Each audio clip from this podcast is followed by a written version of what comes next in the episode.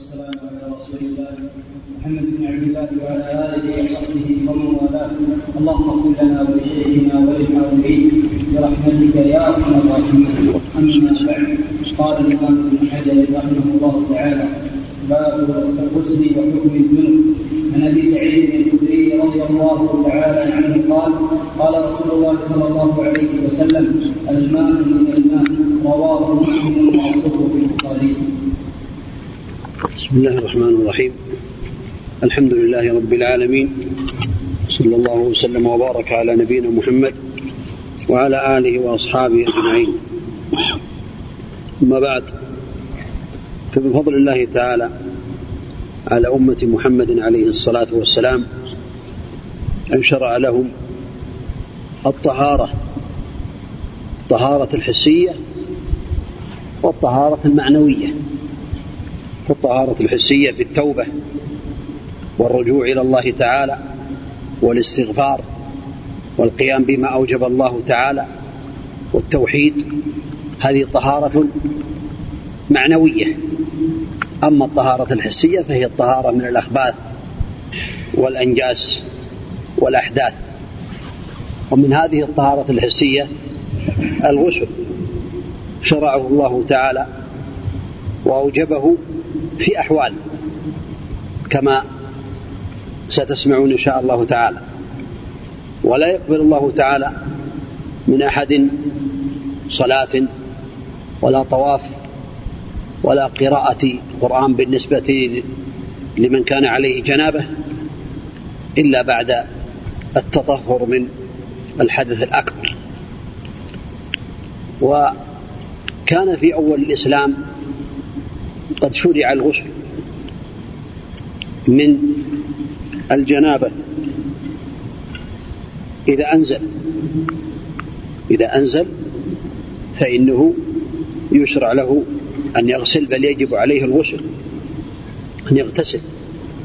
لقول النبي عليه الصلاة والسلام الماء من الماء.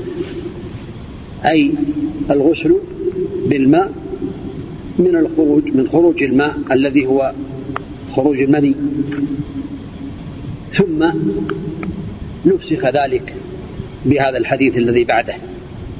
فأصبح الغسل يجب على من؟ جامع زوجته أو على من حصل منه التقاء الختانين سواء أنزل أو لم ينزل. نعم. عن أبي هريرة رضي الله عنه قال قال رسول الله صلى الله عليه وسلم إذا جلس بين شعبها الأربع ثم جهدها فقد وجب الغسل. متفق عليه. وزاد مسلم فقد وجب الغسل نعم. فقد وجب الغسل متفق عليه. وزاد مسلم وإن لم ينزل هذا الحديث يذكر أهل العلم لأنه قد نسخ الحديث الأول لأن الحديث الأول الماء من الماء هذا كان في أول الإسلام. ثم نسخ كما ذكر المحققون من أهل العلم بهذا الحديث وبغيره من الأحاديث أن الجماع إذا حصل فإنه يحصل فإنه يجب عليه الغسل وإن لم ينزل. قوله عليه الصلاة والسلام في بيانه صلوات الله وسلامه عليه كان بين شعبها الأربع ثم جهادها فقد وجب الغسل. الأربع هي اليدين والرجلين وقوله جهدها أي المعالجة والاجتهاد في هذا العمل.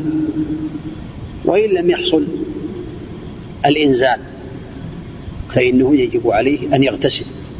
ولهذا عبر فيه ببعض الأحاديث بالتقاء الختانين. فإذا حصلت يعني المعالجة في هذا فإنه يجب عليه أن يغتسل ويجب عليه أن تغتسل سواء أنزل حصل الإنزال أو لم يحصل الإنزال. نعم. وعن أنس رضي الله تعالى عنه قال قال رسول الله صلى الله عليه وسلم في المرأة ترى في منامها ما يرى الرجل قال تغتسل. متفق عليه. زاد مسلم. فقالت أم سلمة وهل يكون هذا؟ قال نعم. فمن أين يكون الشبك؟ هذا فيه التوجيه من النبي عليه الصلاة والسلام.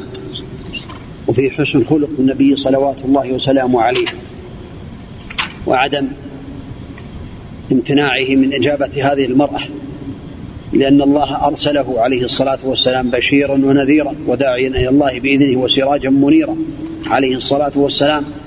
فهو يعلم الناس الخير صلوات الله وسلامه عليه. على أي حال كان. ويدل الحديث كذلك على حرص الصحابيات في طلب العلم. ولهذا قالت عائشة رضي الله عنها نعم النساء نساء الأنصار لم يمنعهن الحياء في أن يتفقهن في الدين.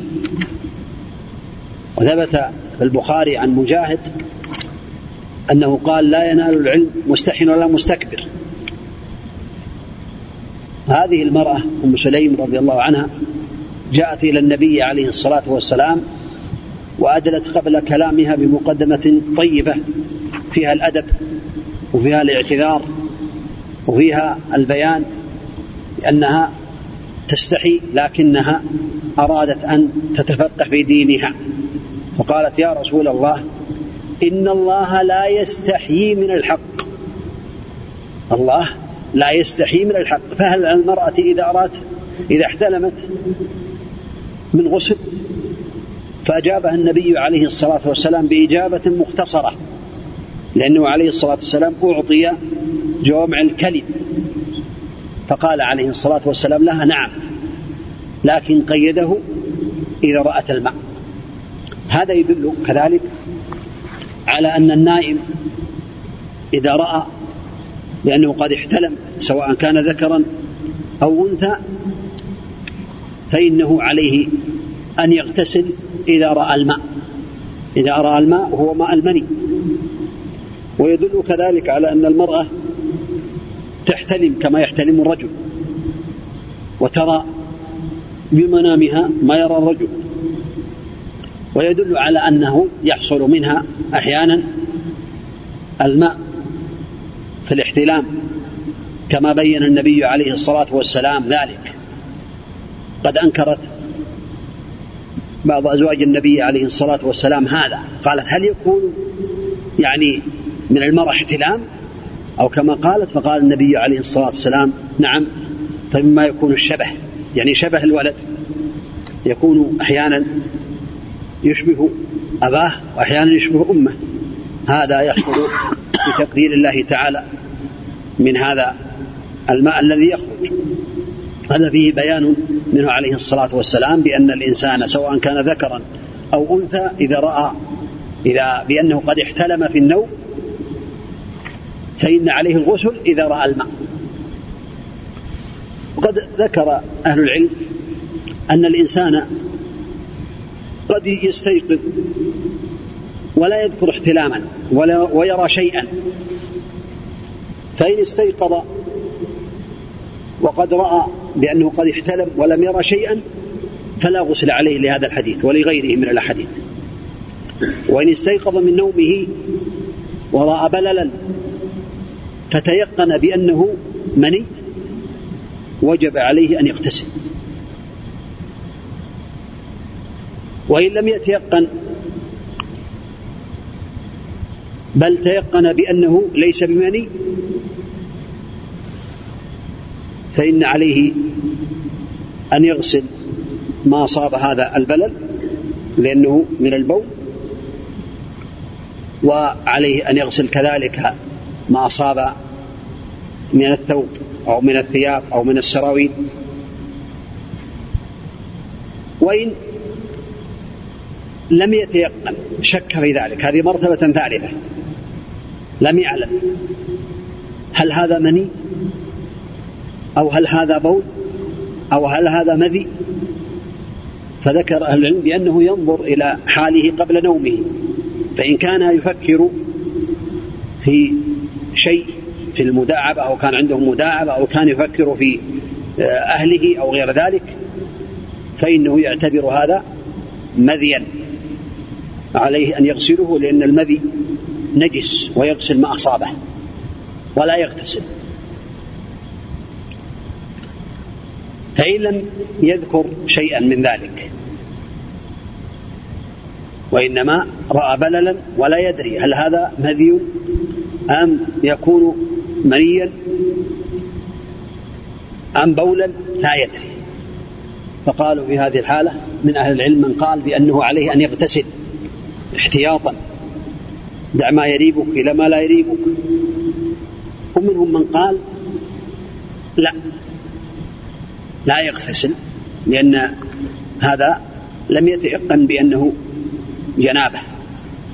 والأقرب والله أعلم أن الإنسان إذا استيقظ ولم يذكر احتلاما ولم يفرق هل هذا مني أو هذا بول أو مذي الأقرب الله أعلم أنه يغتسل. قول النبي عليه الصلاة والسلام دع ما يريبك إلى ما لا يريبك. نعم. وعن عائشة رضي الله عنها قالت كان رسول الله صلى الله عليه وسلم يغتسل من أربع من الجنابة ويوم الجمعة ومن الحجامة ومن غسل الميت. رواه أبو داود وصححه ابن خزيمة. هذا الحديث ذكر أهل العلم بعض المحققين أنه لا بأس به. وأنه يدل على الاغتسال من هذه الأربع. الاغتسال من الجنابة وهذا بالإجماع. لا شك فيه أنه من الواجبات التي لا يقبل الله الصلاة إلا بعد التطهر وبعد الاغتسال من الحدث الأكبر. كان يغتسل عليه الصلاة والسلام من الجنابة. وإن كنتم جنوبا فاطهروا. وهذه الأحاديث الكثيرة التي تدل على وجوب الغسل من الجنابة. كذلك يدل على غسل يوم الجمعة. يوم الجمعة ورد في أحاديث وستأتي إن شاء الله وأنه سنة. ومنهم من قال بالوجوب ومنهم من قال بأنه سنة مؤكدة مؤكدة ينبغي ألا يترك. ومنهم من قال بأنه يجب على العمال الذين فيهم روائح كريهة وأصحاب الصناعات حتى لا يؤذوا المسلمين وسيأتي إن شاء الله تعالى. كذلك الأمر الثالث الاغتسال من الحجامة. الاغتسال من الحجامة سنة لهذا الحديث. فإن خروج الدم ربما يضعف الإنسان فإذا اغتسل من الحجامة حصل له النشاط وحصلت له القوة. والأمر الرابع الاغتسال من غسل الميت من غسل الميت. فإذا غسل ميتا فإن الصواب في ذلك أن غسل من غسل الميت يكون مستحبا لا يكون واجبا لما ثبت عن بعض أصحاب النبي عليه الصلاة والسلام ولهذا الحديث الذي ذكر بعض أهل العلم بأنه لا بأس بإسناده فالاغتسال من تغسيل الميت سنة. نعم. ولأنه إذا غسل الميت يحصل له الكسل والخمول وتذكر الآخرة وتذكر الموت فإذا باشر تغسيله واغتسل يعيد له نشاطه وقوته على عبادة الله تعالى نعم عن أبي هريرة رضي الله عنه في قصه ثمامه بن عندما أسلم وأمره النبي صلى الله عليه وسلم أن يغتسل رواه عبد الرزاق وأصله متفق عليه. هذا الحديث من أهل العلم من قال بأنه يدل على اغتسال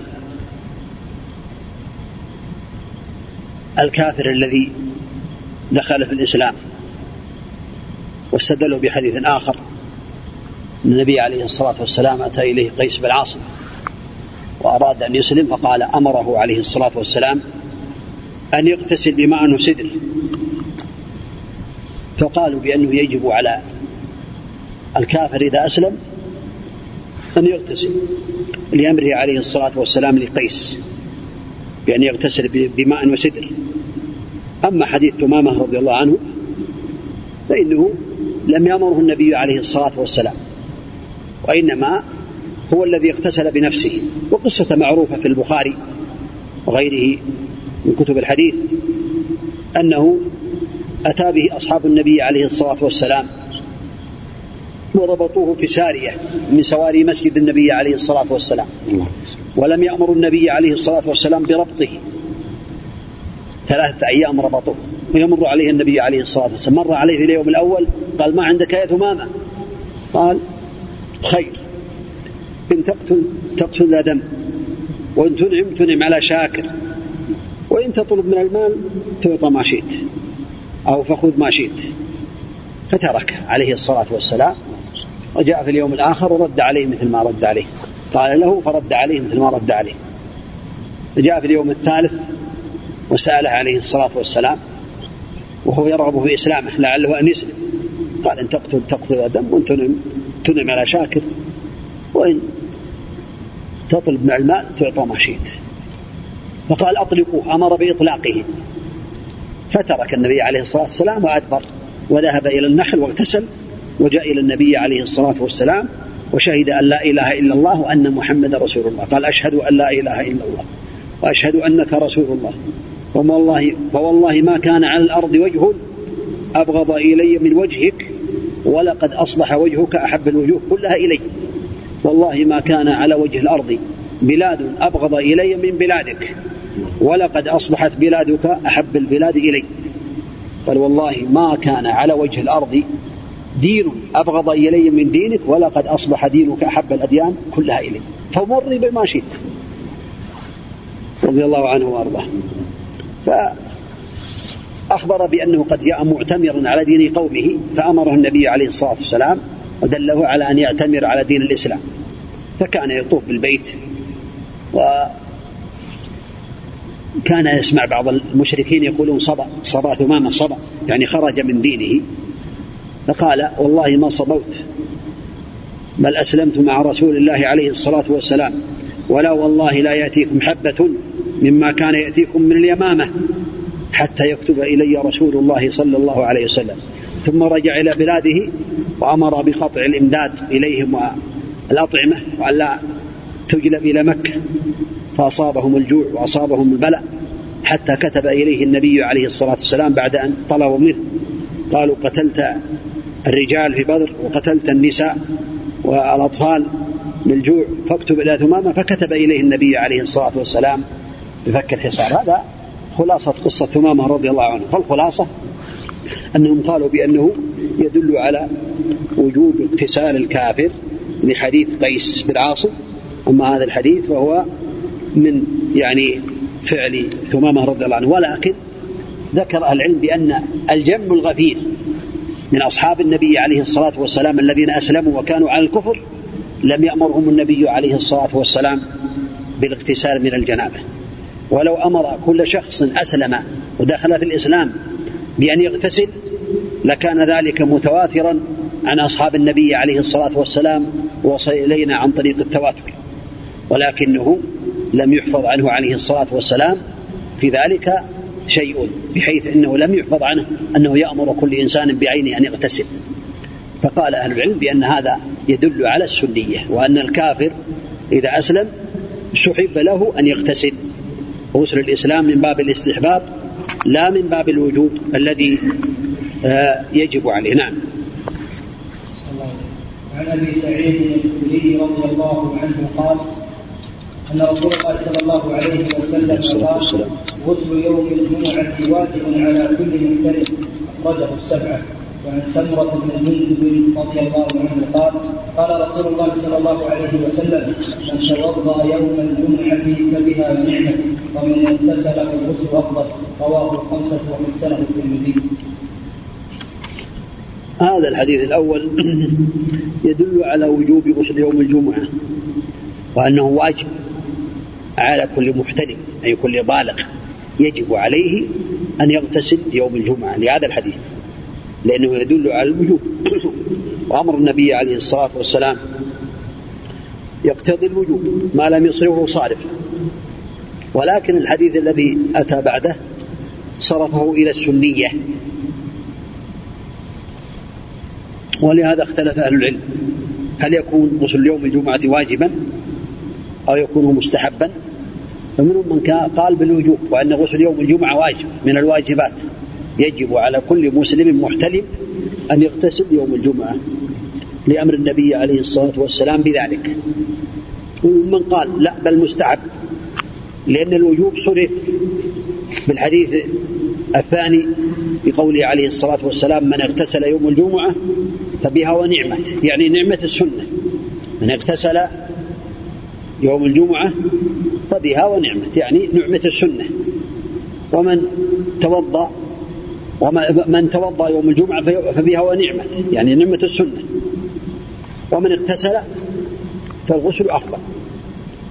فلم يوجب عليه الصلاة والسلام في هذا الحديث الغسل على من ذهب إلى الجمعة. قالوا فدل ذلك على أن هذا صرف الوجوب إلى الاستحباب. وأن غسل يوم الجمعة مستحب. ولكن لا يزال الخلاف موجودا عند أهل العلم وأن منهم من يقول بالوجوب يجب عليه. ولهذا ينبغي للمسلم ينبغي له أن يغتسل يوم الجمعة. فيكون الغسل يوم الجمعة سنة مؤكدة مؤكدة ينبغي ألا تترك. ولكن على الصحيح لا يكون واجبا. ولكن منهم من قال كشيخ الإسلام أنه يجب على أصحاب المهن التي يعني آه الذين يزاولون المهن التي فيها روائح كريهة تؤذي الناس. ولا شك أن هذا يدل على أحاديث أخرى. قوله عليه الصلاة والسلام أن الملائكة تتأذى مما يتأذى منه بنو آدم. فينبغي للإنسان ويتأكد عليه أن يغتسل يوم الجمعة وخاصة إذا كان له أعمال يعني مهنة يعني يخرج منه العرق الريح وغير ذلك. ولهذا يعني كان بعض الناس جاء إلى النبي عليه الصلاة والسلام وعندهم أعمال من خارج المدينة من العوالي وغيره وغيرها فقال لو اغتسلتم لو أن أحدكم تطهر إلى هذا اليوم أو كما قال عليه الصلاة والسلام. فالخلاصة أن الغسل يوم الجمعة سنة مؤكدة ينبغي ألا تترك وينبغي للإنسان ألا يترك هذه السنة العظيمة. نعم. عن علي رضي الله عنه قال كان رسول الله صلى الله عليه وسلم يقرئنا القرآن ما لم يكن جنبا رواه الخمسة وهذا لفظ الترمذي وصححه وحسنه ابن حبان. وهذا فيه الدلالة على عناية النبي عليه الصلاة والسلام بالقرآن ومدارسة القرآن فإن المدارسة للقرآن الكريم يحصل بها الخير يحصل بها الفلاح تحفهم الملائكة وتغشاهم الرحمة تنزل عليهم السكينة يذكرهم الله في من عنده. وقال النبي عليه الصلاة والسلام خيركم من تعلم القرآن وعلمه. كان عليه الصلاة والسلام يعتني بذلك. صلوات الله وسلامه عليه مع أصحابه. ولا يمنعهم من ذلك إلا الجنابة إذا كان جنبا. فإنه لا يعلمهم إذا كان جنبا لأنه قد ثبت في الأحاديث الأخرى أن في هذا الحديث وفي غيره أن الجنب لا يقرأ ولا آية كما جاء في حديث علي رضي الله عنه أنه حينما بين ذلك قال لا ولا آية. فالجنب يحرم عليه قراءة القرآن عن ظهر قلب وعن نظر. أما غير الجنوب فهذا الحديث يدل على أن غير الجنوب له أن يقرأ القرآن وإن لم يكن على طهارة لكن بدون مس لأن القرآن لا يمسه إلا يمسه إلا طاهر لكن كونه يقرأه عن ظهر قلب فلا بأس. كما ثبت عن النبي عليه الصلاة والسلام أنه كان يذكر الله على كل على كل أحيانه. وكان إذا استيقظ من نومه عليه الصلاة والسلام قرأ أواخر سورة آل عمران. وهذا الحديث يدل كذلك على أنه يقرأ القرآن حتى ولو كان على غير على حدث أصغر. يعني يقول ما لم يكن جنبا. فينبغي المسلم بل يجب عليه أن لا يقرأ القرآن ويحرم عليه أن يقرأ آية واحدة وعليه جنابة. اللهم إلا إذا عدم الماء فلم يجد ماء فحينئذ ينتقل إلى الطهارة الثانية وهي الصعيد الطاهر ويتيمم ويقرأ القرآن. نعم. في الأذكار والأوراد الليل. لا الأذكار والأوراد الأذكار أمرها سهل. القرآن هو الذي آه، نهي عنه. أما كونه يذكر الأذكار التي ليس فيها آيات وإن قرأ بعض الآيات لا على أنها قرآن إنما هي ذكر لكن ما تكون كاملة. آه، فلا بأس بذلك لكن عليه أن يبادر بالاغتسال نعم. فإذا قرأ إذا نام وعليه جنابة حتى وإن توضأ فإن الوضوء لمن أراد أن ينام عليه جنابة سنة. بل بعضهم قال بالوجوب. لأمر النبي عليه الصلاة والسلام بذلك عمر كما سيأتي. فإنه في هذه الحالة لا يقرأ المعوذات الثلاث ولا يقرأ آية الكرسي ولا يقرأ شيئا من القرآن. هذا يدل على أن من اغتسل يكون أفضل وسيأتي إن شاء الله حتى يقرأ أوراد النوم. نعم. لا يمس القرآن إلا طاهر كما قال النبي عليه الصلاة والسلام. نعم. نعم. يأتي يأتي إن شاء الله. الحائض والنفساء اختلف أهل العلم. هل هي؟ يأتي إن شاء الله في آخر الباب. نعم. وعن أبي سعيد الخدري رضي الله عنه. الحائض والنفساء ذكر أهل العلم بأنها لا تقرأ شيئا من القرآن لحديث ورد عن النبي عليه الصلاة والسلام لكن قالوا بأنه ضعيف. سيأتي في باب الحيض. ولكن الصواب في ذلك أنها تقرأ القرآن عن ظهر قلب. لا بأس أن تقرأ القرآن عن ظهر قلب يعني حفظا ولا تمس القرآن. واستدلوا بأحاديث منها قول النبي عليه الصلاة والسلام لعائشة حينما حاضت وأمرها أن تغتسل وتحرم وتفعل ما يفعل الحاج. قال غير أن لا تطوفي بالبيت حتى تطهري. فقالوا بأن من أعمال الحاج قراءة القرآن. فحينئذ لها أن تقرأ القرآن لكن عن ظهر قلب وهذا هو الأقرب وهو الأسهل وقد تنسى ما تحفظ من القرآن إذا طالت المدة عليها خاصة النفاس قد تبقى أربعين يوما قد تبقى عند بعض أهل العلم أكثر من ذلك والصواب أنها لا تزيد على أربعين كما سيأتي إن شاء الله الخلاصة لأنهم ذكروا منهم شيخنا رحمه الله أن الصواب في ذلك أن الحائض لا بأس أن تقرأ القرآن عن ظهر قلب. والخلاف قوي بين أهل العلم لكن هذا هو الذي رجحه شيخنا رحمه الله تعالى. نعم. وعن أبي سعيد الخدري رضي الله عنه قال قال رسول الله صلى الله عليه وسلم إذا أتى أحدكم اهله ثم أراد أن يعود فليتوضأ بينهما وضوءا رواه مسلم. زاد الحاكم فإنه انشط بالعود. والأربعة عن عائشة رضي الله عنها قالت كان رسول الله صلى الله عليه وسلم ينام وهو جنب من غير أن يمس ماء وهو معلوم. هذا الحديث الأول يدل على سنية الاغتسال بل بعضهم قال الوضوء بل بعضهم قال بالسنية بعضهم قال بالوجوب لأن النبي عليه الصلاة والسلام أمره به إذا أراد العود فأمره أن يتوضأ. يجعل بينهما وضوءا. فقالوا الأمر يقتضي الوجوب. منهم من قال بأنه للسنية لأنه ورد أحاديث ومن هذا الحديث اللي قال المؤلف بأنه معلول أنه كان ينام ولا يمس ماء ولكن قال المؤلف رحمه الله تعالى بأنه حديث معلول.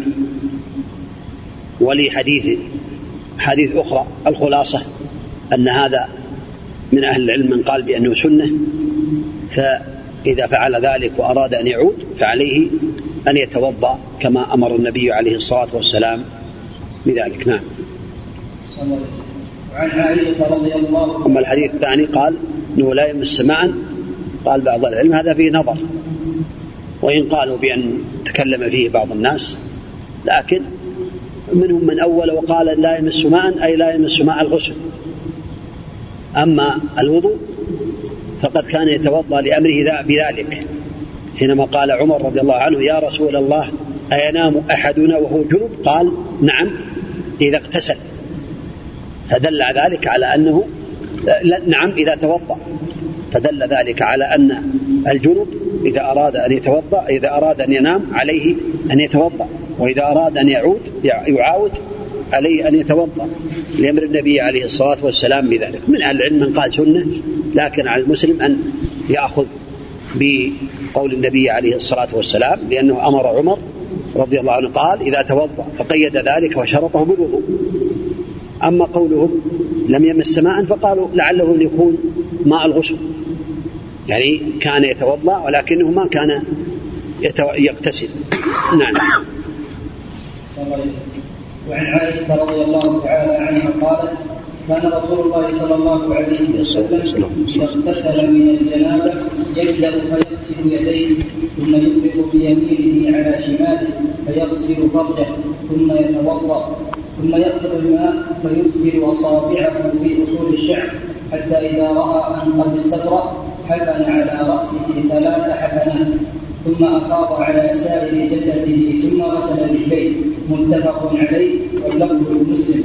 ولهما من حديث ميمونة. ثم أفرغ على فرجه وغسله بشماله. ثم ضرب بها الأرض.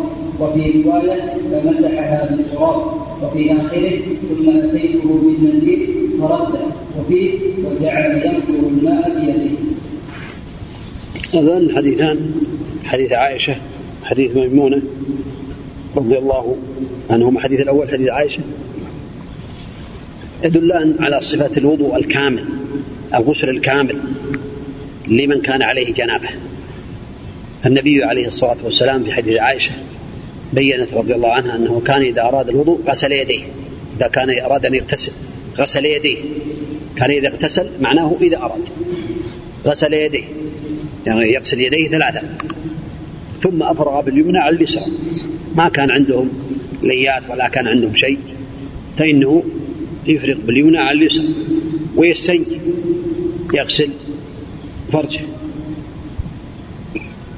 ثم يغسل يديه كذلك يضرب بها الحائط كما في الرواية الأخرى وإذا لم يكن عنده حائط ضرب بها التراب إذا كان في تراب وكان في مكان في برية. هذا من السنة. ثم يغسل يديه ثم يتوضأ وضوءه للصلاة. حديث عائشة أنه يتوضأ وضوءه للصلاة. يعني معنى ذلك أنه يتوضأ في كما أمر الله تعالى في الوضوء كما تقدم. ومن ذلك أنه يغسل رجليه لأنها قالت يتوضأ وضوءه للصلاة في حديث عائشة رضي الله عنها. ثم يفرق على رأسه ثلاث حثيات. يعني ثلاث حفنات ويخلل شعر رأسه. يدخل يديه في أصول الشعر. وفي بعض الروايات يبدأ بشقه الأيمن. يبدأ بشق رأسه الأيمن. ويفعل ذلك ثلاثا يدخل أصابعه في أصول شعره. ثم يفيض الماء على جسده. الأيمن ثم يعم جسده بالماء. هكذا الروايات وإن لم تذكر في هذا الحديث. لكن في رواية البخاري وغيره أنه بدأ بشق رأسه الأيمن.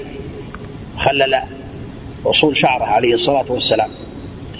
ثم يعم سائر جسده بالماء. سائر قالوا بأنه باقي. السائر هو الباقي. فكأنه يرون بأنه لا يجب عليه أن يغسل أعضاء الوضوء لأنه قد غسلها أولا. فمعنى سائر يعني باقي الجسد يعمه بالماء ولم يرد في الأحاديث أنه كان يغسل جسده ثلاثا كما ورد في صفة الوضوء صفة غسل اليدين وإنما يعم سائر جسده بالماء ويعتني بمغابنه بما تحت الإبطين وبسره وبالأشياء التي يصعب وصول الماء إليها يعتني بذلك ثم بعد ذلك ينتقل إلى مكان آخر كما جاء في رواية أخرى ويغسل رجليه.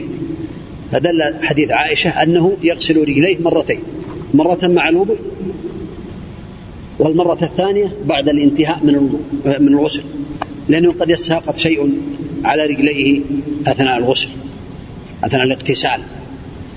أما في حديث ميمونة رضي الله عنها ذكرت قالت بأنه غير هذه الرواية أنه توضأ إلا رجليه أي لم يغسل رجليه.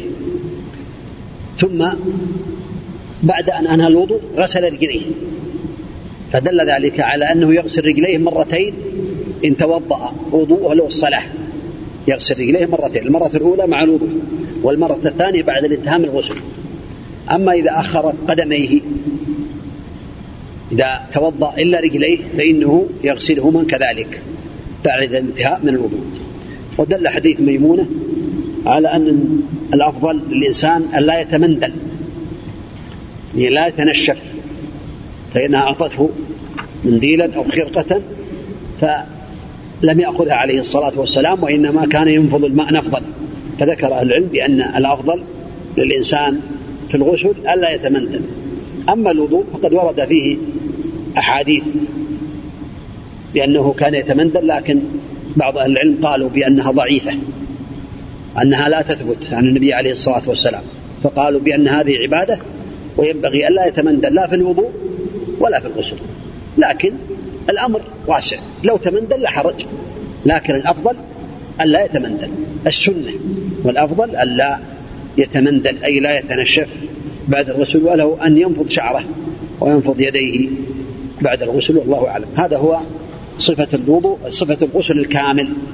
صفة الغسل الكامل الذي فعله النبي صلوات الله وسلامه عليه. وقال أهل العلم بأنه لو اغتسل وعم جسده بالماء ناويا رفع الحدث الأكبر والأصغر جاز ذلك. لكنه قد خالف السنة. قد خالف سنة النبي عليه الصلاة والسلام. لقد كان لكم في رسول الله أسوة حسنة.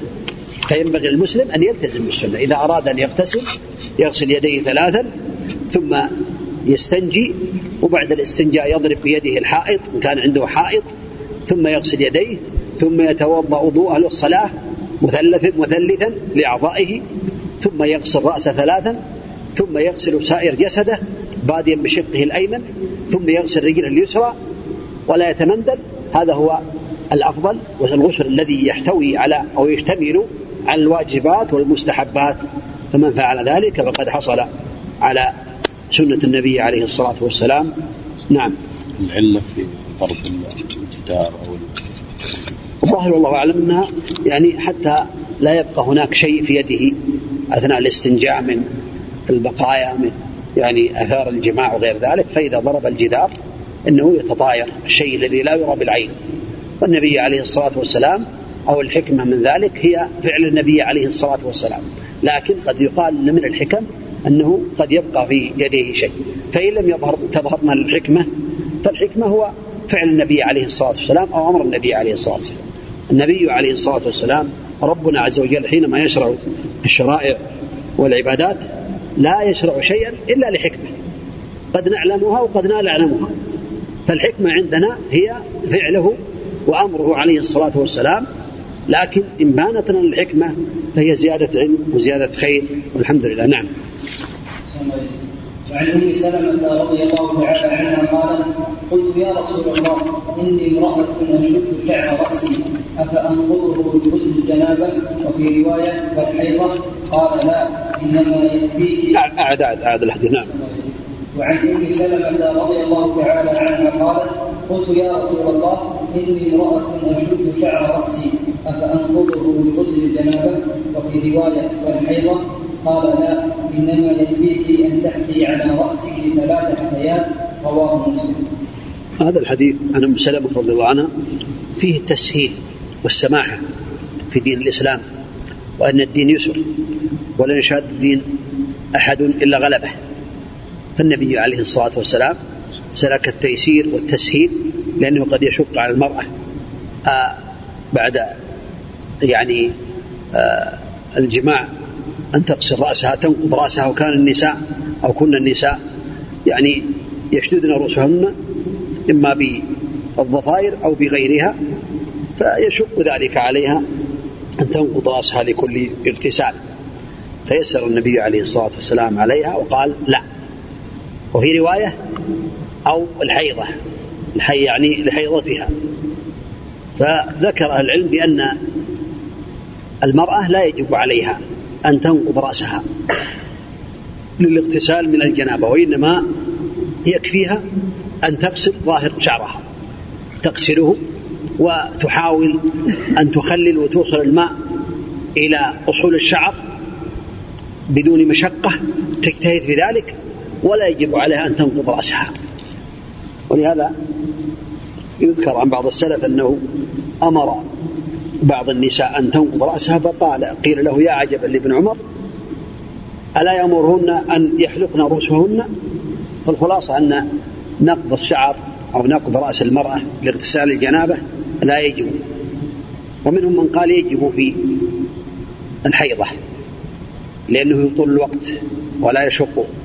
لكن زيادة مسلم ثابتة أنه زيادة الحيضة فلا يجب في الحقيقة لنقض لا يجب النقض في غسل الجنابة في غسل الجنابة ويشرع ويسن النقض في غسل الحيضة لأحاديث أخرى. هذا هو الجمع بين الأحاديث لأن من العلم من أوجب أن تنقض رأسها يعني إذا كانت حائضا. فالجمع بين ذلك والله أعلم أنه لا يجب عليها أن تنقض رأسها للجنابة بل تغسل رأسها وتخلل الشعر. أما في الحيضة فالأفضل لها والمستحب لها أن تنقض شعرها ولا يجب عليها ذلك لزيادة الحديث في حديث أم سلمة رضي الله عنها. خروجا من الخلاف فإن لم تفعل فلا حرج في ذلك والحمد لله نعم. وعن عائشة رضي الله تعالى عنها قالت قال رسول الله صلى الله عليه وسلم إني لا أحب المسجد لحائض ولا جنب رواه أبو داود وصححه ابن خزيمة.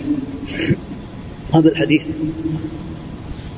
ذكر المؤلف رحمه الله تعالى أنه صححه ابن خزيمة منهم من تكلم فيه ولكن الصواب كما ذكر بعض المحققين من أهل العلم أنه لا بأس به فإنه لا يجوز للرجل أن يجلس في المسجد الذي عليه جنابة ولا يجوز للمرأة الحائض أن تبقى في المسجد إلا عابر سبيل. فإذا كان يمر من باب ويخرج مع الباب الثاني أو تمر من باب ولا تخرج من الباب الثاني بشرط أن لا يلوث المسجد فلا بأس. ومن أهل العلم من قال من السلف من قال إنه له أن يجلس في المسجد إذا كان عليه جنابة إذا توضأ. لأنه قد روي عن بعض الصحابة أنه فعل ذلك أنه توضأ وبقي في المسجد وعليه جنابة. ولكن أحاديث النبي عليه الصلاة والسلام مقدم على غيره من الأقوال فلا يجلس في المسجد لا بوضوء ولا بغيره إذا كان عليه جنابة. وإنما لا يدخل المسجد لا يجلس فيه إلا أن يكون عابرا عابر سبيل كما قال الله تعالى فإنه لا بأس أن يعبر لكن لا يلوث المسجد والحائض كذلك. لا تبقى في المسجد إلا أن تكون عابرة من باب إلى باب بشرط أن لا يتلوث المسجد. نعم. نعم. إذا انتقل في المسجد إذا انتقض الوضوء الإنسان وهو المسجد. إن بقي يذكر الله يهلل لا بأس. يقرأ القرآن عن ظهر قلب لكن لا يصلي إلا لا يصلي إلا بعد الوضوء. أما الجنابة لو نام في المسجد ثم أجنب حصل له جنابة فإنه يخرج فورا ويغتسل. نعم. وعنها رضي الله عنها قالت كنت أغتسل أنا ورسول الله صلى الله عليه وسلم من إناء واحد تختلف ايدينا فيه من الجنابه متفق عليه. وزاد ابن حبان وتلتقي أيدينا. ماذا فيه من الفوائد؟ الاقتصار على الماء القليل. لأنهم كانوا يغتسلون من اناء قيل هو الفرق. وهو يتسع لثلاث أصع كما ذكر بعض أهل العلم. فهذا يدل على الاقتصاد في الماء وعدم التبذير ويدل كذلك على جواز اغتسال الرجل المرأة في مكان واحد والنظر إليها. ويدل على حسن خلق النبي عليه الصلاة والسلام ومعاشرته عليه الصلاة والسلام وعلى تواضعه صلوات الله وسلامه عليه. يدل على هذه الفوائد وغيرها. نعم. وعن أبي هريرة رضي الله عنه قال قال رسول الله صلى الله عليه وسلم إن تحت كل شعرة جنابة فاغسلوا الشعر وانقوا البشر. رواه أبو داود والترمذي وضعفاه ولأحمد عن عائشة رضي الله عنها نحو وفيه راو مقبول. هذا الحديث كما ذكر المؤلف رحمه الله تعالى لا يثبت عن النبي عليه الصلاة والسلام. لكن يؤكد على الإنسان أن يعتني في غسل الجنابة. يؤكد عليه أن يخلل أصول شعره وأن يعتني بمغابنه والمواضع التي لا لا يصل الماء إليها إلا بعناية كإبطيه وداخل سره ويعني معاقله وغير ذلك من الأمور من المغابن ينبغي له أن يعتني بها. أما الحديث فضعيف. حديث ضعيف لكن على الإنسان أن يعتني في غسل الجنابة بهذه الأمور. ولا يبذر في الماء ولا يشدد وإنما يعتني بها عناية فائقة. نعم. باب التيمم. عن جابر بن عبد الله رضي الله تعالى عنه أن النبي صلى الله عليه وسلم قال أعطيت خمسا لم يلقهن أحد قبلي. يعني الغسل ذكر العلم موجبات الغسل التي توجبه في هذه الحديث السابقة. خلاصة منها يعني انزال المني بلده سواء باحتلام أو بغيره. ومنها التقاء الختانين. وكذلك منها إسلام الكافر والصواب أنه غسل إسلام الكافر والصواب أنه سنة كما تقدم. ومنها من غسل ميتا فإنه يغتسل والصواب أنه سنة. الاغتسال من غسل الميت سنة. ومنها تغسيل الميت ويأتي بالصلاة على الميت وأن غسله واجب. يغسل تغسيل الميت أنه يجب على الناس أن يغسلوا الميت إذا مات المسلم. منها خروج دم انقطاع دم الحيض وانقطاع دم النفاس. يقال لها موجبات الغسل. ينبغي الإنسان أن يعتني بها. أما الأغسال المستحبة فهي كثيرة. لا يعني آه، تنحصر في بعض في مثل هذا المكان. منها إغسال اغتسال الكافر إذا أسلم كما تقدم. ومنها اغتسال من غسل ميتا. ومنها الاغتسال من الإغماء إذا أغمي عليه كما ثبت عن النبي عليه الصلاة والسلام اغتسل من الإغماء. ومنها يعني الاغتسال ليوم الجمعة منهم من قال بالوجوب منهم من قال مستحب والصواب أنه مستحب كما تقدم. ومنها الاغتسال من غسل من دفن المشرك كما أمر النبي عليه الصلاة والسلام علي رضي الله عنه أن يغتسل حينما وارى أباه. وهذه الأمور ومنها الاغتسال كما ثبت عن الصحابة ولم يأتي عن النبي عليه الصلاة والسلام إنما جاء عن الصحابة وغير ذلك يعني الأغسال المستحبة. نعم. باب التيمم. عن جابر بن عبد الله رضي الله تعالى عنهما أن النبي صلى الله عليه وسلم قال اعطيت خمسا لم يعطهن أحد قبلي.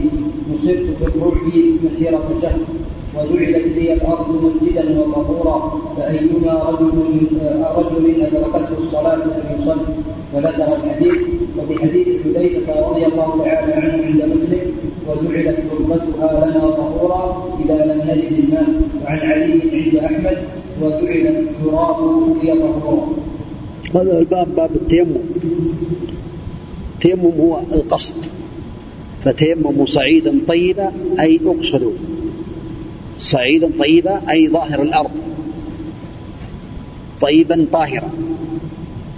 فالله تعالى جعل هذه الطهارة الطهارة الثانية لأن الطهارة تكون بشيئين تكون بالماء الطهور كالعيون والأمطار والبحار والأنهار والآبار وغيرها هذا طهور. يرفع الأحداث ويزيل الأخباث والأنجاس. فإن عدم هذا الطهور الطهارة الثانية تكون بالصعيد الطيب وهذا من رحمة الله تعالى ومن إحسانه ومن سماحة الشريعة الإسلامية أن الله تعالى يسر ويدل على أن الطهارة للإنسان إنما هي تعبدية من فضل الله تعالى. الإنسان يقوم بما أوجب الله عليه وبما يستطيع من أوامر الله تعالى.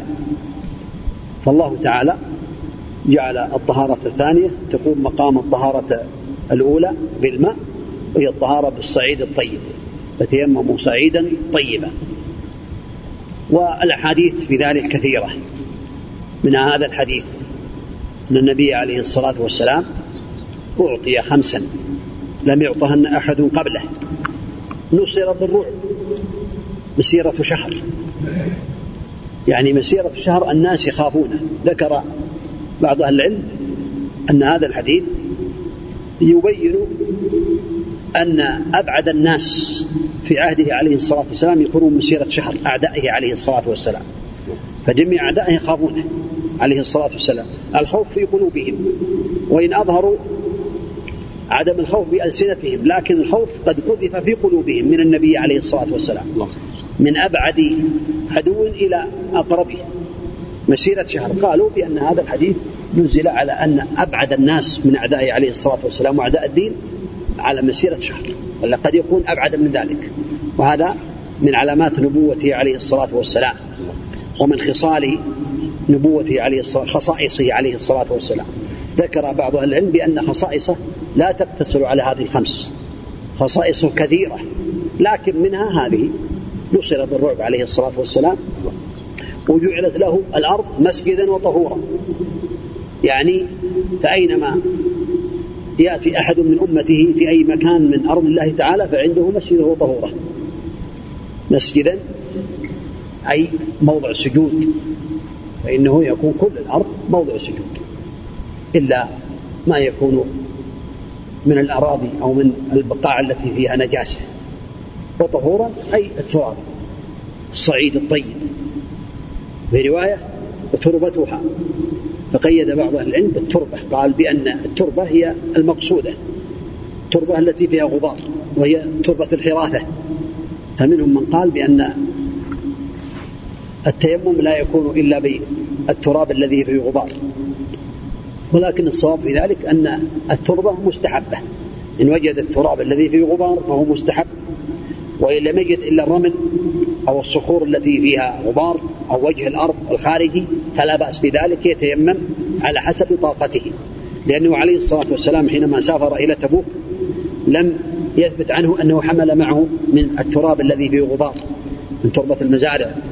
والحراثة وهو يعلم عليه الصلاة والسلام بأنه يمر بصحاري وقفاري ورمال لا غبار فيها وإنما هي رمال ووجه الأرض فلم يؤثر عنه أنه حمل معه ترابا عليه الصلاة والسلام. دل ذلك على أن وجه الأرض كله يصلح أن يكون يعني للتيمم. لكن لو وجد الإنسان التربة التي فيها غبار حينئذ عليه أن يتقي الله تعالى ويمس بشرة من هذا الغبار.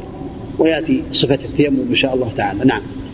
وبقية الخصال الأخرى أحلت له الغنائم ولم تحل تحل لأحد تحل لأحد قبل عليه الصلاة والسلام.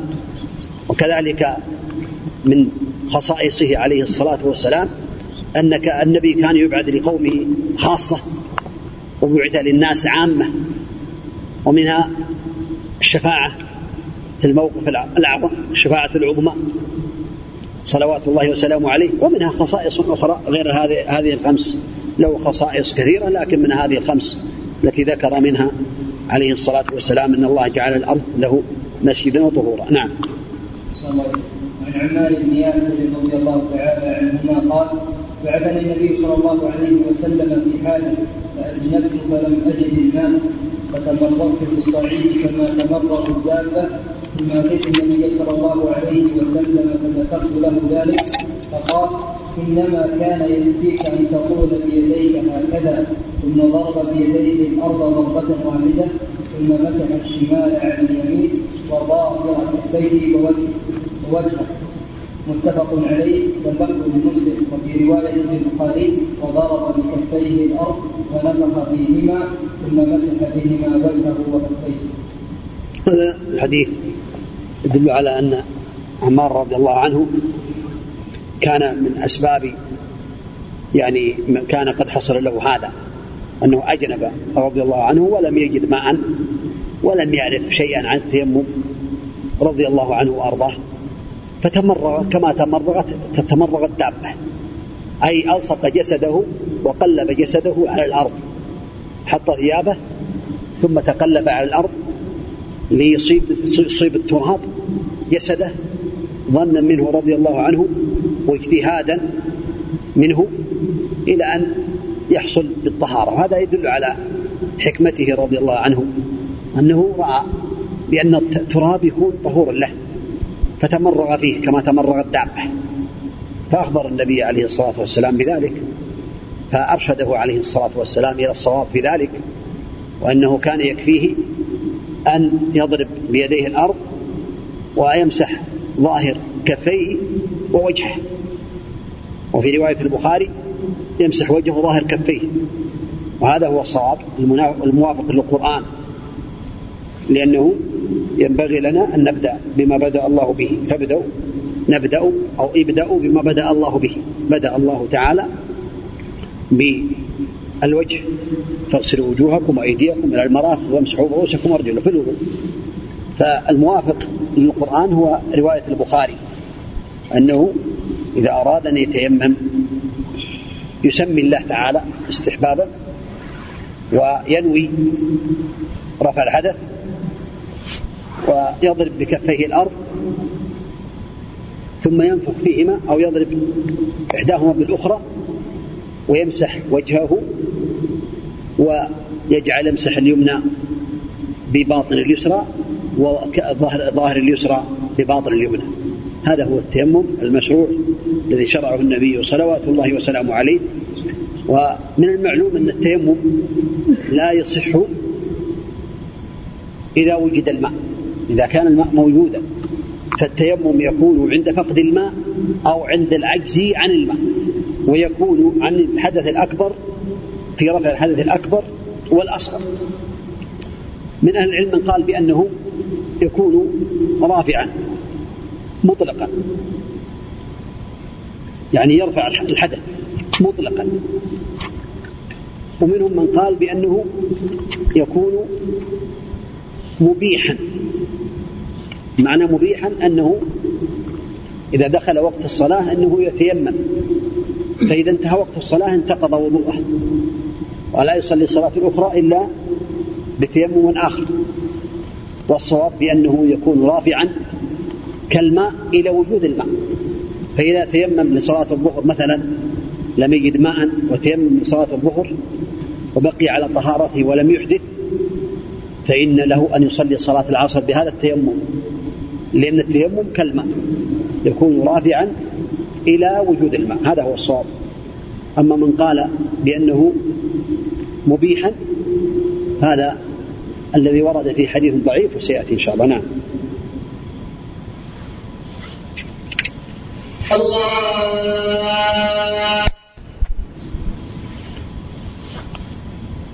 نعم. عن ابن عمر رضي الله تعالى عنهما قال قال رسول الله صلى الله عليه وسلم التيمم ضربتان ضربة للوجه وضربة لليدين إلى المرفقين رواه الطبراني وصححه الأئمة وصحح الأئمة. الصواب ما تقدم أن أنه يكتفي بضربة واحدة كما ثبت في حديث قصة عمار رضي الله عنه رواه البخاري وغيره أنه يكتفي بضربة واحدة. يمسح بها وجهه وكفيه. أما هذا الحديث ذكر العلم بأنه غير صحيح.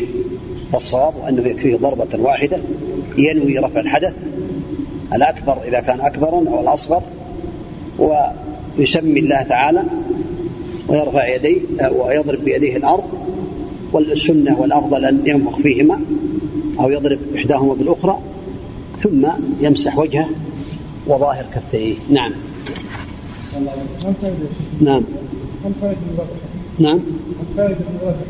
الفائدة من هذا الحديث كما تقدم بأن الحافظ ابن حجر رحمه الله تعالى يريد يبين للناس بأن الصواب هذا وهذا ضعيف. فهو أورده وقال بأنه موقف ها؟ أي لم يرفع إلى النبي عليه الصلاة والسلام. هذا الفائدة. لأنه ورد في كتب الحديث فأراد أن يبين لطالب العلم بأنه ليس بصحيح. نعم. وعن أبي هريرة رضي الله تعالى عنه قال قال رسول الله صلى الله عليه وسلم الصعيد وضوء المسلم وإن لم يجد الماء عشر سنين فإذا وجد الماء فليتق الله وليمسه بشرته رواه البزار وصححه ابن الخطاب ولا تصور الدار قطني ورساله والترمذي عن أبي ذر نحوه وصححه. خلاصة هذا الحديث كما يذكر العلم بأنه ثابت أن النبي عليه الصلاة والسلام وأن الصعيد وضوء المسلم وإن لم يجد الماء عشر سنين. هذا من باب التغليب.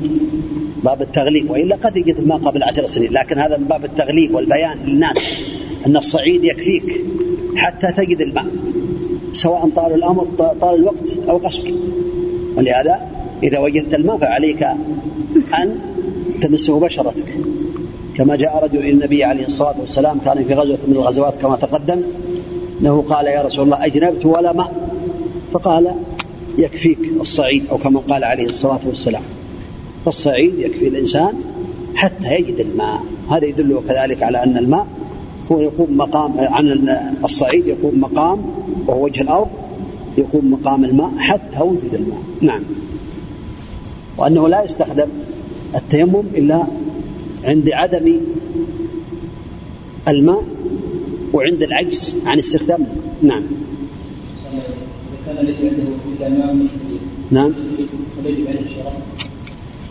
الله على حسب الأحوال والله أعلم. إذا كان عنده قدرة يعني عنده أموال كثيرة ويرغب في ذلك وإلا يتيمم كما أمره الله تعالى هذا يحتاج إلى عناية يحتاج إلى نظر. قد يشق عليه قد لا يشق عليه نعم. وعن أبي سعيد الخدري رضي الله تعالى عنه قال خرج رجلان في سفر فحضر في الصلاة وليس معهما ماء فتيمما صعيدا طيبا فصل طيبا فصليا. ثم وجد الماء الوقت فاعاد احدهما الصلاة والوضوء ولم يعد الآخر. ثم اتيا رسول الله صلى الله عليه وسلم فذكر ذلك له فقال للذي لم يعد أصبت السنة وأجزأتك صلاتك. وقال للآخر لك الأجر مرتين رواه أبو داود والنسائي. هذا الحديث يدل على أن الصحابة رضي الله عنهم كانوا يحرصون على القيام بما أمر الله تعالى.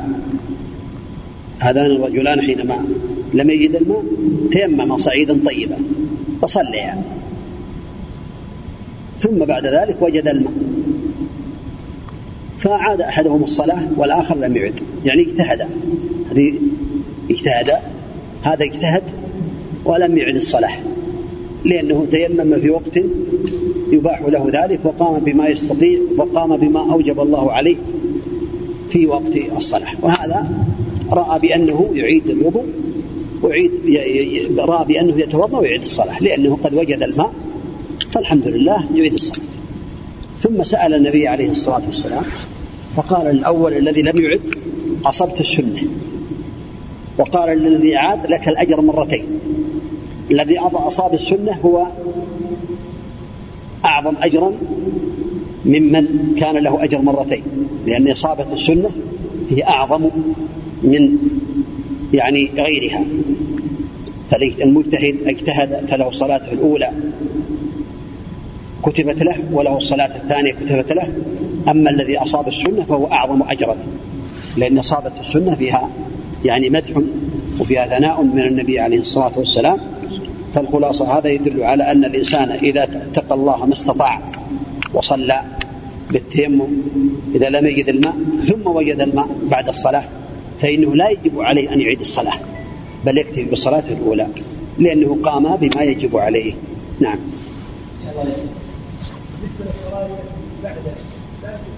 نعم. نعم. إيه لازم يتوضأ. هذا منهم من قال رافعا مطلقا.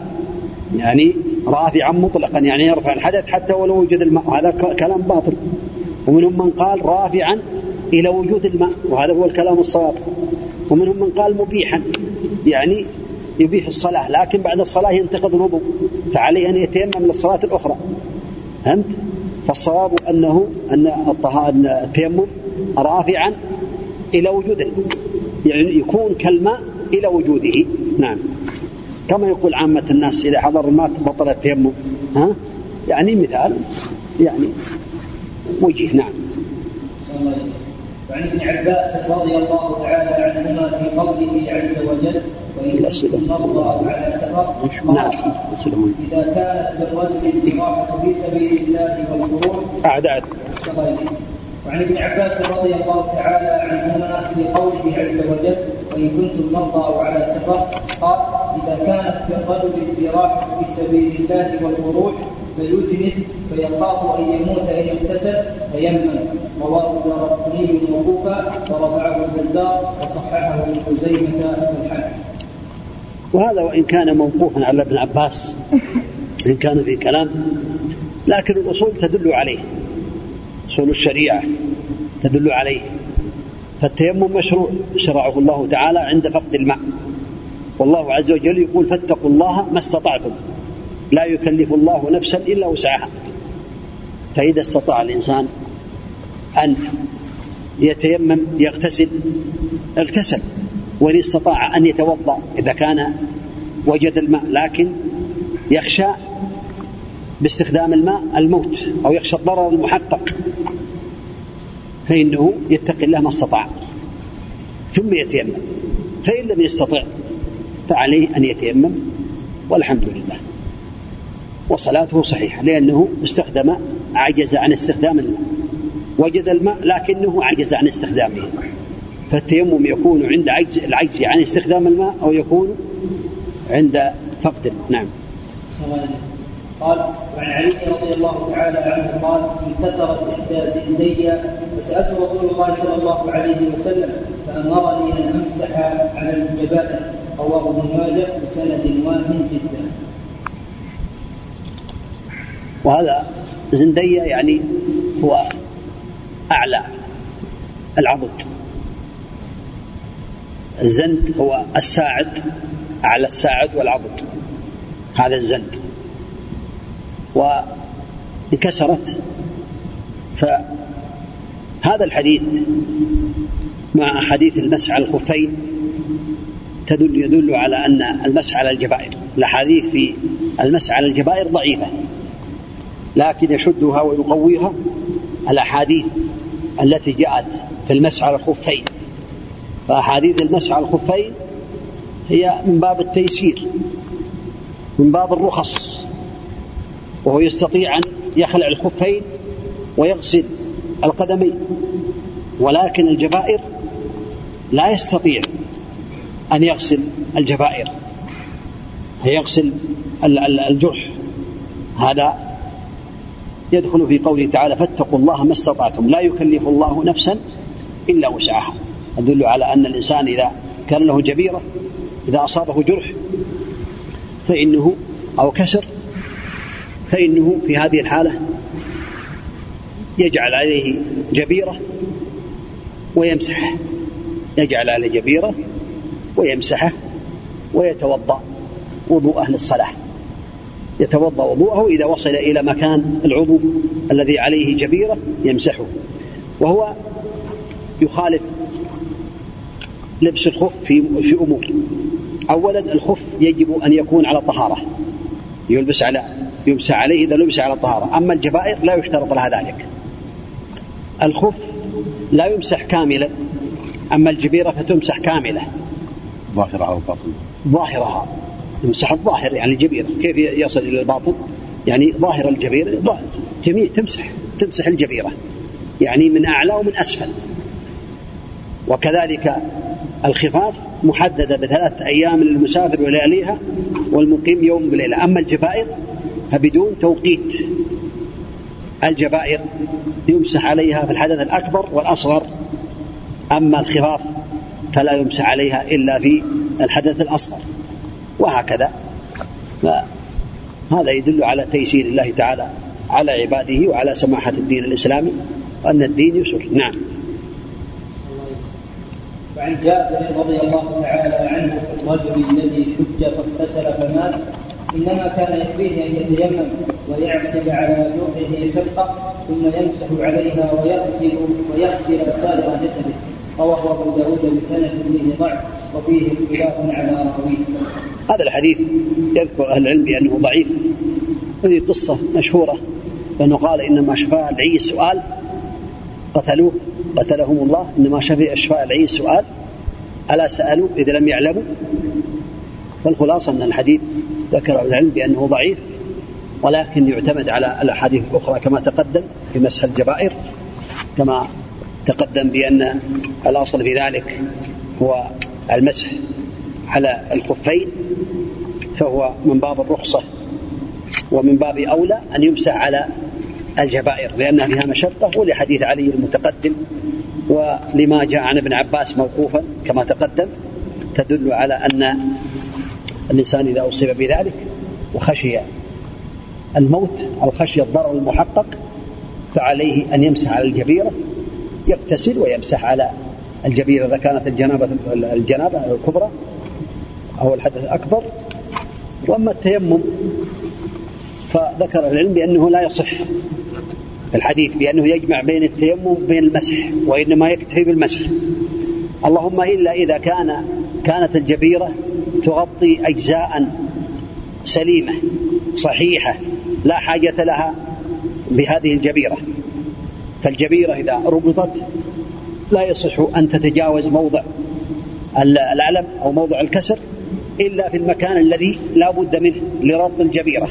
أما إذا زادت على المكان المعتاد الذي تربط به فإنه في هذه الحالة يغتسل إذا كان عليه جنابة ويمسح على الجبيرة ويتيمم عن هذا الشيء الذي لم يصل إليه الماء وهو لا وهو لا يحتاجه في ربط الجبيرة.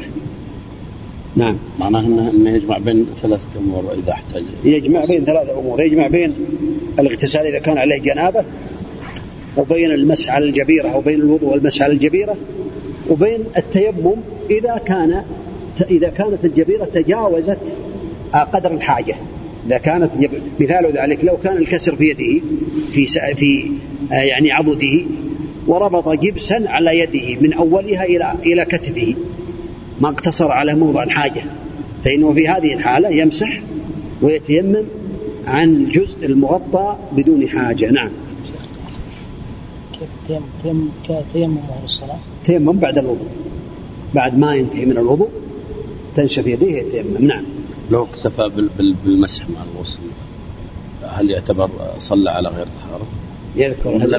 هذا الذي ورد عن العلم بأنه تجاوز. ذكروا بأن المسح على الجبيرة أو على الجرح يكون على أربع درجات. الدرجة الأولى أن يكون الجرح يسيرا ويستطيع أن يغسله. فيغسله مع أعضاء الوضوء هذه الدرجة الأولى الدرجة الثانية أن لا يستطيع أن يغسله ولكن يستطيع أن يمسحه فإنه يمسح عليه بيده بدون حائل بدون جبيرة.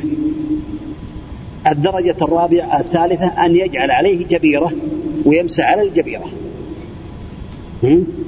الدرجة الرابعة أن لا يستطيع أن يجعل عليه جبيرة. ما يستطيع أن يجعل عليه جبيرة فيتوضأ ثم يتيمم لهذا الذي لم يمسحه. الله أعلم. نعم. صلى الله عليه وعن ابن عباس رضي الله تعالى عنهما قال من السنة ألا يصلي الرجل بالتيمم إلا صلاة واحدة ثم يتيمم للصلاة الأخرى. رواه دار قطني بإسناد ضعيف جدا. وهذا الحديث ضعيف وهو دليل من قال بأن التيمم رافع مبيح لا رافع. يقولون يبيح الصلاة. لا يرفع الحدث يبيح الصلاة فإذا صلى به صلاة واحدة فإن عليه أن يتيمم للصلاة الأخرى. والحديث ضعيف والصواب أن التيمم كالماء يكون رافعا للحدث كالماء إلى وجود الماء فيتمم للصلاة الأولى وبقى على طهارته ولم يأتي ناقض من نواقض الوضوء فإنه يبقى على طهارته ولا بأس. أن يصلي الصلاة الأخرى بتيممه للصلاة الأولى؟ ما لم يجد الماء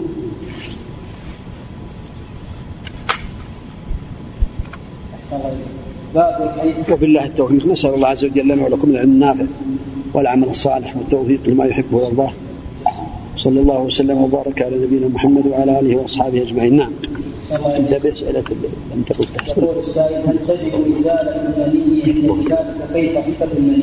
نعم. هل تجب إزالة المني عند اللباس وكيف صفته؟ المني معروف. لكن إزالته إن كان رطبا يغسل كما تقدم في حديث عائشة. يغسل مكانه إذا كان رطبا وإذا كان يابسا يحك ويفت ويفرك. والأفضل أن يغسل كما تقدم. قالوا الأفضل أن يغسل لأمرين الأمر الأول للخروج من الخلاف لمن قال بأن المني نجس. والأمر الثاني لأنه من باب النزاهة من باب النظافة من باب يعني آه التنظيف. هذا هو كيفية إزالته. يغسل إذا كان رطبا ويحك إذا كان يابسا والأفضل أن يغسل نعم وكيف صفته يعني يفرق بين المني وغيره بأنه يخرج بلذة يخرج بلذة غير المذي. المذي هو لزج سائر لزج يخرج عند التفكير. أما الثاني فيخرج تدفقا بلذة. نعم. الله إليك قال يقول السائل هل مس الذكر أو الدبر بعد الغسل أو الوضوء فيه إعادة للوضوء للصلاة أو ليس فيه شيء؟ نعم. أعد مس الذكر أو الدبر مسح مسح. مس مس نعم. هل فيه بعد الغسل أو الوضوء؟ هل فيه إعادة للوضوء للصلاه أو ليس فيه شيء؟ نعم. إذا مس ذكره أو دبره فرجه فإن عليه أن يعيد الوضوء. لحديث بشرى كما تقدم. فإنه أعاد الوضوء يعيد الوضوء لأنه مس فرجه لأنه أتى بناقض من نواقض الوضوء. فإنه لا ينبغي له أن يمس ذكره حينما توضأ لأنه توضأ. توضأ أولا قبل الغسل فيغتسل بدون مس الذكر لكن لو مس ذكره بدون حائل أو فرجه قبل أو دبر فإنه يعيد الوضوء. نعم. يعيد الوضوء بعد الغسل ما يعيد الغسل. نعم. يقول ما المقصود فمسحها بالتراب اي في صفه الغسل هل يجب علينا في الوقت الحاضر أن نضرب بايدينا في الجدار أو مسها بالتراب جزاك الله خيرا. الأفضل الأفضل إذا كنت الان عندك جدار تستنجي. يستنجي الإنسان ثم يضرب بيده الجدار. لا هذا الأفضل. وإن اكتفى بأنه يغسلها بصابون بعد ذلك فلا بأس لكن الأفضل التقيد بسنة النبي عليه الصلاة والسلام. نعم. يقول أحسن الله إليك. ما الحكم إذا كان أحد الجوربين فيهما فرجة أو شق؟ هل يمسح عليهما؟ وإن مسح عليهما وصلى دون أن يعلم أن فيه شق هل يعيد الصلاة؟ تقدم بأن الشقوق اليسيرة. التي في الخفاف لا تضر كما اختار ذلك الشيخ الإسلام ابن تيمية رحمه الله تعالى والمحققون من العلم معه أنها لا تضر لأن الصحابة رضي الله عنهم كان كانوا فقراء ولا يعقل ولا يتصور بأن خفافهم سليمة قد يكون فيها خروق خرق خروق اليسيرة يعفى عنها والحمد لله نعم. أحسن الله يقول هل إذا مس الختانان دون الميلاد هل تجب فيه الغسل أو الوضوء؟ نعم نعم. إذا التقى الختانان أنه قال إذا جلس بين شعبها الأربع ثم جادها قد لا يلج وقد يكون التقاء الختانين. فإذا التقى الختانان فإنه يجب الغسل حتى لو لم ينزل. نعم. السائل السلام عليكم ورحمة الله وبركاته. حفظكم الله ونفع بكم وبعلمكم كيف يكون الجمع بين حديث فإن الشيطان يبيت على خيشومه وبين إذا دخل المنزل وذكر اسم الله قال الشيطان لا مبيت لكم هذه الليلة. جزاكم الله خيرا. لا لا أذكر الجمع بين الحديثين لكن الظاهر والله أعلم الذي يظهر من الأحاديث أن هذا الذي بات على خيشومة قد يقال بأنه يعني لم يذكر الله عندما دخل البيت. قد يقال بأن هذا شيء يعني غير الذي يأكل ويدخل يبيت قد يقال بأنه الشيطان القرين. العلم عند الله تعالى. نعم. لكنه يبيت على خيشومة كما قال النبي عليه الصلاة والسلام. لا شك في ذلك لكن لعله أن يكون قرين لأن كما قال النبي عليه الصلاة والسلام ما منكم إلا وله معه قرين قالوا حتى ينتهي الرسول قال حتى أنا. إلا أن الله أعانني عليه حتى أسلم فهو لا يأمرني إلا بخير. فدل ذلك على أن كل واحد منا معه قرين من الشياطين يجره ويدعوه إلى الشر. نسأل الله العافية. نعم. يقول السلام عليكم ورحمة الله وبركاته. هل نفهم من حديثكم أحسن الله إليك عن لمس النساء أن لمس النساء لا ينقض الوضوء نعم. نعم. نعم. هل ينقض الوضوء لا ينقض الوضوء سواء بشهوة أو بغير شهوة؟ اختلف أهل العلم في ذلك كما تقدم. منهم من قال بأن مس المرأة ينقض مطلقا سواء بشهوة أو بغير شهوة. ومنهم من قال لا ينقض مطلقا لا بشهوة ولا بغير شهوة. ومنهم من قال ينقض بشهوة إذا كان المس بشهوة ولا ينقض إذا كان بدون شهوة. والأقرب والله أعلم الذي اختاره ابن عباس وبعض المحققين من أهل العلم منهم سماحة شيخنا رحمة الله عليه عبد العزيز باز وغيره من المحققين أن نقض الوضوء أن مس المرأة لا ينقض مطلقا سواء كان بشهوة أو بغير شهوة إلا إذا خرج شيء إذا خرج مذي أو نحوه فإنه يكون ناقض غير هذا. نعم. لأن النبي عليه الصلاة والسلام قبل بعض نسائه وصلى ولم يتوضأ عليه الصلاة والسلام. نعم. نعم. قالوا بأن قوله تعالى أو لامستم النساء؟ قالوا بأنه يراد به الجماع كما ذكر ابن عباس رضي الله عنه. نعم. نعم. يستنجي إيه. إذا خرج منه مذي أنه يستنجي ويغسل أنثيه ويتوضأ وضوءا كاملا. نعم. يقول السائل الحكمة من نقل لحم الإبل الوضوء عن سائر اللحوم الحكمة من نقض لحم الإبل الوضوء هو أمر النبي عليه الصلاة والسلام بذلك. خذ قاعدة كلما أمر به النبي عليه الصلاة والسلام أو ما جاء في النصوص فالحكمة هو مشروعية ذلك عن عن النبي عليه الصلاة والسلام. لكن إذا كان هناك حكمة ظهرت لنا أخرى زيادة علم فالحمد لله. الحكمة هو أمر النبي عليه الصلاة والسلام بذلك. لكن يقال بأن من الحكمة غير أمر النبي عليه الصلاة والسلام أن الإبل خلقت من الشياطين. ولهذا بين النبي عليه الصلاة والسلام أن الفخر والخيلاء في أهل الوبر والسكينة في أهل الغنم. وأمر النبي عليه الصلاة والسلام بالوضوء من لحم الإبل عليه الصلاة والسلام. فقالوا بأن من الحكمة والله أعلم أن هذه الإبل أنها خلقت من شياطين فهي ولهذا والله أعلم هذا من الحكمة. ولهذا إذا توضأ الإنسان من لحومها إنه يزيل عنه هذا التكبر ويزيل عنه الفخر الذي حصل له. والله أعلم. لكن الأصل في ذلك أمر النبي عليه الصلاة والسلام. قال يا رسول الله أنا توضأ من لحوم الغنم؟ قال لا. قال نتوضأ من لحوم الإبل؟ قال نعم. وقال في رواية أخرى توضأوا من لحوم الإبل ولا تتوضأوا من لحوم الغنم. هذا هو الحكمة. نعم. أما كل الإنسان لا يعمل شيئا إذا أمر الله به أو أمر به النبي عليه الصلاة والسلام حتى يعلم الحكمة. قد لا يعلم الحكمة. قد لا نعلمها نحن. وإنما نقول سمعنا نقول سمعنا وأطعنا. نعم. الله يقول وهل هذا في الأكل أو في النسل؟ نعم. لحم الإبل هل هو في الأكل أو في النسل؟ لا لا في الأكل. بل اختلف العلم هل ينقض يعني آه تنقض أكل لحم الكبد والأمعاء والكرش والكرش والشحم منهم من قال لا ينقض. والصواب كما تقدم أنه اختار السعدي رحمه الله الشيخ عبد الرحمن السعدي أنه ينقض الوضوء لأنه يدخل في ذلك يدخل في لحم الإبل لأن الله حينما حرم لحم الخنزير حرم لحمه يدخل فيه التحريم في اللحم والدال يعني الشحم وغير ذلك.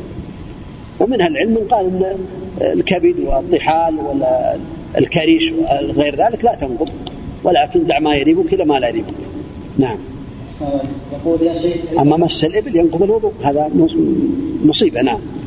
يركب عليها يمسها نعم. وهي من خلق الله تعالى أمر الله بالنظر إليها والاعتبار بها فلا ينظرون إلا بكيف خلقت من خلق الله تعالى. نعم. الله يقول يا شيخ حفظك الله قرأت في كتاب نيل الأوطار. نعم. قرأت في كتاب نيل الأوطار. إيه. ورأيت أن هناك قول لعلي رضي الله عنه لا لا يجوز البداء باليسار في الوضوء. وهو وهو بدا رضي الله عنه بذلك. وكما في توضيح الأحكام. بدا بدا؟ وهو بدا بذلك. بدا باليسار يعني في الوضوء. ها؟ نعم إيه. يقول وكما في توضيح الأحكام للبسام رحمه الله تعالى أنه أجمع العلماء على ان على أنه يستحب البداء باليمين وليس للوجود وجزاك الله خيرا. هذا يعني ذكر أهل العلم لكن سمعت من شيخنا رحمه الله تعالى أثناء تكلمه عن التيامن في الوضوء أنه يقول هذا أمر من النبي عليه الصلاة والسلام بالتيامن في الوضوء والأمر يقتضي الوجوب ما لم يصرفه صارف. والصارف أنه يأتي حديث النبي عليه الصلاة والسلام بدأ بشماله قبل يمينه عليه الصلاة والسلام أو قال لا بأس أن تبدأ بالشمال قبل اليمين. فإذا حصل الصارف أنا نقلت ناقلا عن أهل العلم ولست عالما. نعم. يقول السائل توجد مثل الأسبقة وغيرها نعم توجد. بعض الأسبقة وغيرها مكتوب عليها. ثم هل المسلم الذي خاف الله يتقيه ويحب سنة النبي عليه الصلاة والسلام والأحاديث المتواترة في ذلك في التيامن في الوضوء هل يستطيع وهل يجرؤ يعني أن يبدأ بشماله؟ يقول أن السنة يبدأ بالشمال ثم يغسل اليمين ثم يغسل رجله الشمال ثم يغسل اليمنى إلا ناسيا أو جاهلا. الناسي والجاهل أمره آخر. أما المتعمد فينبغي له أن يلتزم بالسنة. حتى لو كان يعني ليس واجبا ينبغي المسلم أن يقتدي بسنة النبي عليه الصلاة والسلام. نعم. يقول توجد بعض الأشرطة وغيرها مثل بعض الجوالات مكتوب عليها ذكر الله. فهل يجوز الدخول في هذه الخلاء؟ الظاهر إنه لا بأس لأنه شيء خفي. شيء في داخل هذه الأشياء لا يبدو إلا عند الإخراج. فالظاهر والله أعلم أنه لا بأس به. نعم. أحسن الله عليك. لأنها لو وضعها في خارج كالقراءة في الماء والله أعلم. الإنسان لو قرأ في ماء قراءة القرآن فلا بأس أن يغتسل في دورة المياه. لأنه لم يظهر قرأ في ماء قراءة ولم يكن هناك شيء ظاهرا من ذكر الله تعالى. فمن قال بالمنع يحتاج إلى دليل. نعم. من قال بالمنع يحتاج دليل. من قال أنه لا يغتسل كان شيخنا رحمه الله تعالى يرى بأنه لا بأس أن يغتسل بالماء الذي فيه قراءة في دورات المياه لأنه ليس بظاهر. نعم. صلى الله عليه يقول السائل هل الغلس هو البلغم المعروف؟ الغلس هو الذي يقولون بأنه الذي يخرج من أدنى الحلق عند الشبع. يكون إنسان يعني شبعانا فيخرج من أدنى الحلق لا يخرج من المعدة. هذا يقال الغلس نعم. أما القي فهو يخرج من المعدة نعم. أحسن الله يقول السائل السلام عليكم ورحمة الله وبركاته. ما الراجح من القول بغسل الرجل بفضل المرأة؟ وجزاكم الله خيرا. تقدم بأن سماحة شيخنا رحمه الله تعالى رجح حديث الحديث ثابت. مر معنا في بلوغ المرام. النبي عليه الصلاة والسلام نهى الرجل أن يتوضأ بفضل المرأة والمرأة أن تتوضأ بفضل الرجل. فتقدم بأن الاغتسال أو الوضوء بفضل المرأة يكون مكروها وكذلك الوضوء بفضل الرجل المرأة اللي تتوضأ بفضل الرجل أو الغسل بفضله بالباقي من وضوئه أو من يكون مكروها. فإن كان ذلك لحاجة زالت الكراهة. كان ذلك لحاجة. يعني يجد ماء غير هذا الماء لا يجد ماء غير هذا الماء فإن الكراهة تزول. أما عند عدم الحاجة فيكون مكروها. نعم. يقول هل يعلم بالأحاديث الضعيفة؟ نعم. هل يعلم بالأحاديث الضعيفة؟ الأحاديث الصحيحة فيها كفاية فيها غني عن الأحاديث الضعيفة نعم.